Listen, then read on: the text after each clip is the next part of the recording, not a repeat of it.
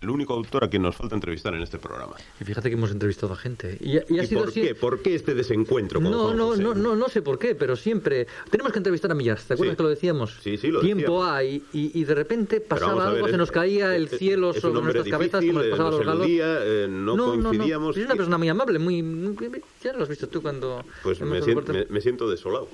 Pues sí, la verdad es que era uno de esos huecos que teníamos que llenar en nuestro programa y yo creo que lo vamos a rellenar hoy perfectamente. Hola Juan José, buenas noches. Hola, buenas noches. ¿Por qué no nos hemos encontrado hasta ahora? Sí, me parece fatal esto que habéis dicho. Sí, sí, no, nosotros estamos avergonzados. O sea, que habéis entrevistado prácticamente a toda España y ya cuando no os quedaba nadie por entrevistar... además, fíjate, fíjate qué tontos somos, porque incluso hemos hecho críticas de tus libros y han sido críticas buenas. Bueno, entonces- Si hubieran sido malas, todavía Claro. eh, nos podía dar un cierto rubor entrevistarte, ¿no? Pero no, no. Entonces podéis seguir sin entrevistarme. Creo que esta, en esta ocasión también la crítica mm, ha sido buena, así que no hay ningún problema. Eh, el orden alfabético, vaya, vaya. vaya, vaya. Oye, yo he reconocer una cosa, Juan José, que es uno de los libros, de tus libros con los que más me he reído. Así que bien. Sí. Qué bien. Y sin embargo hay gente que dice que, que- que la historia que cuenta es terrible. ¿Tú con qué te quedas? A ver. Mira, yo me quedo con las dos cosas, porque yo siempre he pensado que detrás de la risa está el miedo y que uno se ríe siempre para disimular el miedo.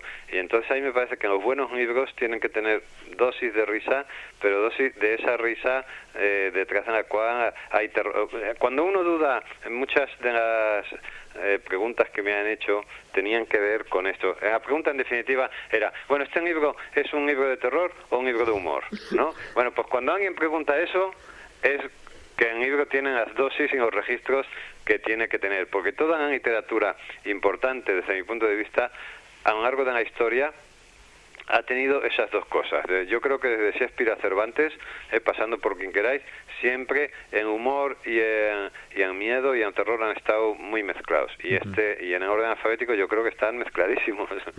Pero no solo eso, tú mezclas también realidad y ficción. ¿Dónde viven los protagonistas de esta novela?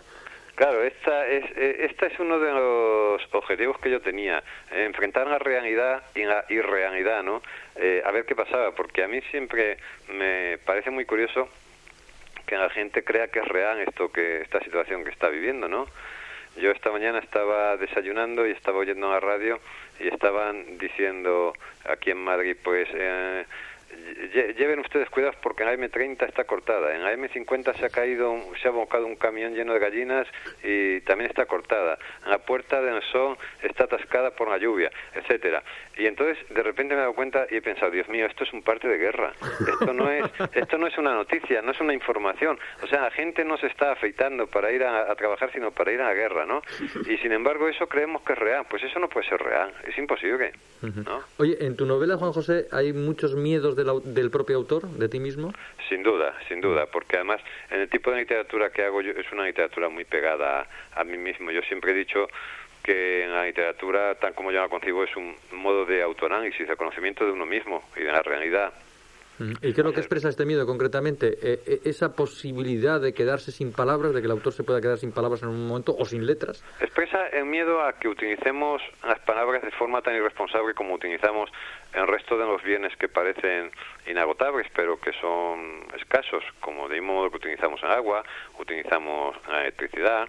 Un día nos tendrían que dar un corte de, de agua o de electricidad que nos durase 15 días para que nos diéramos cuenta producto, hasta qué pronto es un es un bien del que tendríamos que ser más conscientes, ¿no? Pues si un día abriéramos la boca y no salieran palabras, ¿eh? nos daríamos cuenta de lo importante que son las palabras y de los que las tenemos que cuidar, ¿no? Yo creo que he trabajado con ese miedo y con y sobre todo con el miedo a, a no saber muchas veces dónde está la frontera entre lo, fantástico y lo real, ¿no? Y yo pero que yo creo que es un miedo colectivo porque cuando leemos en el periódico que las bolsas se han desplomado o que las bolsas suben o bajan en función de que el puro con el que Clinton hurga en los genitales de Mónica sea vano o canario, pues hombre, eso dices, esto, eh, esto ¿en, en qué zona del periódico está? Está en la, zona de ficción, en la zona de la realidad, y yo creo que hay un sentimiento así general como de no saber, como de, de creer que no estamos viviendo, que esto que vivimos no puede ser real, ¿no? Y que hay que buscar la grieta que da a la realidad, sea lo que sea la realidad, porque yo creo que tampoco lo sabemos, ¿no? Y yo creo que en libros como el mío, pues son esas grietas, ¿no? Un poco eh, esos orificios por los que uno puede asomarse y decir, ah, pues la realidad quizá esté a ese otro lado, ¿no? Mm. A pesar de, de, lo que dicen muchos y a pesar de que tú escribes mucho, eh, escribes novelas, escribes artículos de prensa, escribes artículos de la revista, a mí me da la impresión de que eh, todo en lo que tú escribes forma parte de algo global, ¿no? Eh, el otro día me, me, decía un amigo que acaba de leer tu novela que es curioso, pero que algunos de, las, de los artículos, de los sueltos que escribes en el país en la última página, podían haberse integrado perfectamente en esta novela. A mí ese me, me parece un halago porque realmente eh, yo siempre, eh, a mí los autores que me gustan son aquellos autores que tienen un mundo propio que es absolutamente reconocible, ¿no?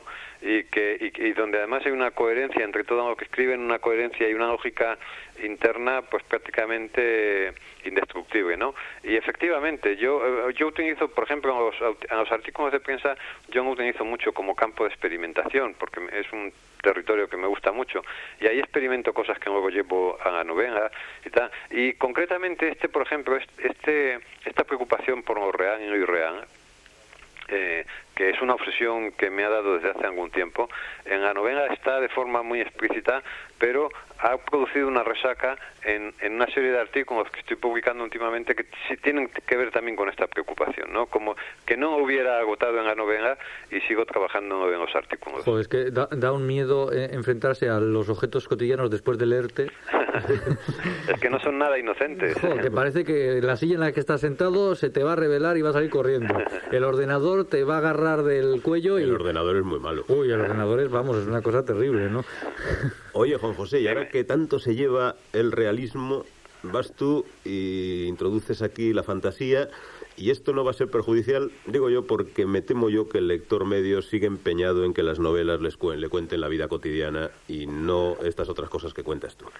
Pues parece que no, porque en la novela se ha colocado en 10 días que llevan a calle ya en, en los primeros puestos está resultando un éxito de ventas muy sorprendente, por otro lado, efectivamente, ¿no? Ya han puesto, han tenido que poner en marcha la segunda edición de Prisa y Corriendo. Mm. De manera que, ¿no? Que parece que desde donde se mejor se explica la realidad es desde la irrealidad, ¿no? Es una novela que está enganchando mucho, además están leyendo de un modo muy militante, en el sentido de decir, pero bueno, es que es verdad, esto es lo que nos está sucediendo, esto es lo que nos estaba sucediendo. A mí me hace gracia que se haga una lectura tan reductora y tan próxima, pero me gusta porque creo que en toda buena novela tiene que haber una tesis. Yo creo que yo creo profundamente en la novela de tesis. Yo creo que todas las grandes novelas han sido novelas de tesis, lo que no quiere decir que todas las novelas de tesis sean buenas, ¿no? Pero eso de que la gente esté viendo una tesis en, en la novela aunque sea una lectura, ya digo, muy pegada a, lo inmediato y, incluso algo reductora, me gusta. Mm, hay una cosa que me sorprende de la novela, que siendo una novela en la, en la que las palabras, lo literario, el metalenguaje y todas esas historias eh, están tan presentes, sin embargo no se nota nada eh, la cacharrería, es decir, el hardware, por decirlo de alguna manera.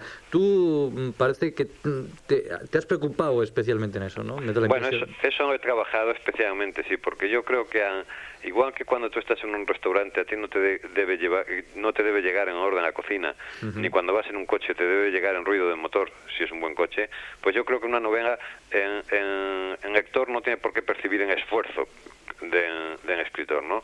Y eso no debe trabajar. Quizá lo que más duro ha sido, desde el punto de vista, digamos, del trabajo cotidiano, del oficio, ha sido eso, que en la novela llegara al lector eh, como un artefacto absolutamente simple de apariencia. Es un, un, artefacto simple, simple, simple, simple. Y eso es lo que más trabajo me ha llevado, porque la complejidad está escondida. Oye, Juan José, una pregunta que se me está ocurriendo ahora. ¿Estás en el libro de Vicente Verdú, ese de La vida a los 50 años? Eh, a través del ordenador. No, no, si, si, si te ha consultado ah, a ti. No, me, sí, me abarca, yo tengo 52, sí, Por eso, como, como es lo de... Me, ha me ha tocado, me ha tocado. Y promete ser un libro muy interesante porque Verdú es un, es un observador muy fino también de lo cotidiano. ¿Eh? Y yo me acuerdo de aquel libro estupendo que se llamaba Días sin fumar, que publicó, que yo creo que dejó de fumar para escribir el libro. y cuando lo escribió volvió a fumar.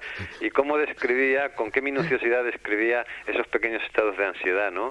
Cuando ves fumar a otro en los primeros días está muy bien.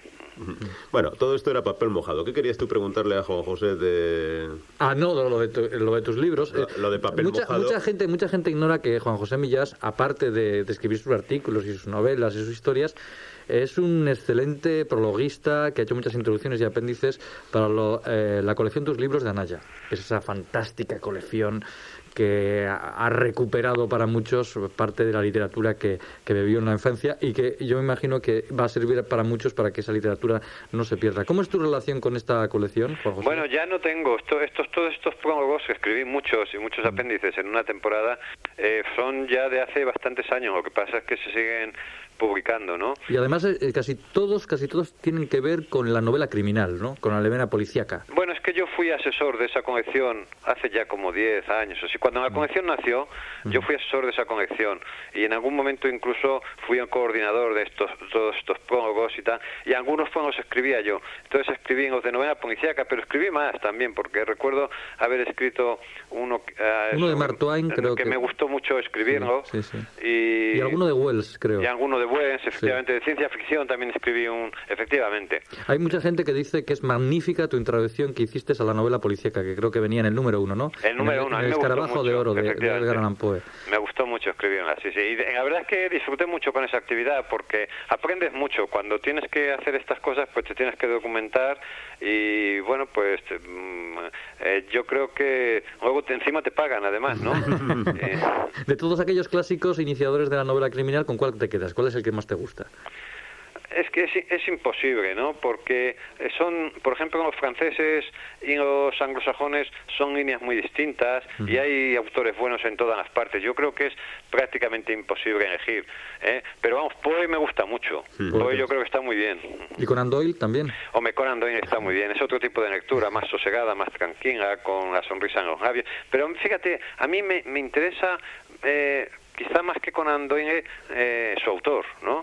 Eh, tiene una biografía muy curiosa y eh, yo eso, la, la tuve que estudiar para escribir uh -huh. aquel apéndice o aquel prólogo, quizá. ¿Has visto la, la, la, película que se estrenó recientemente sobre los últimos años de Conan Doyle cuando se volvió medio, medio loco y estaba medio esotérico con aquello de las hadas y todo eso? Sí, bueno, es que no, no yo no he visto la película. La película está muy bien. Pero esto es muy, es muy de los autores de final de siglo, ¿no? Sí. Es decir, eh, cuando empiezan a creer en lo parapsicológico, en lo paranormal, en el diablo, sobre todo es, es un gente que cree en el diablo más que en Dios, ¿no?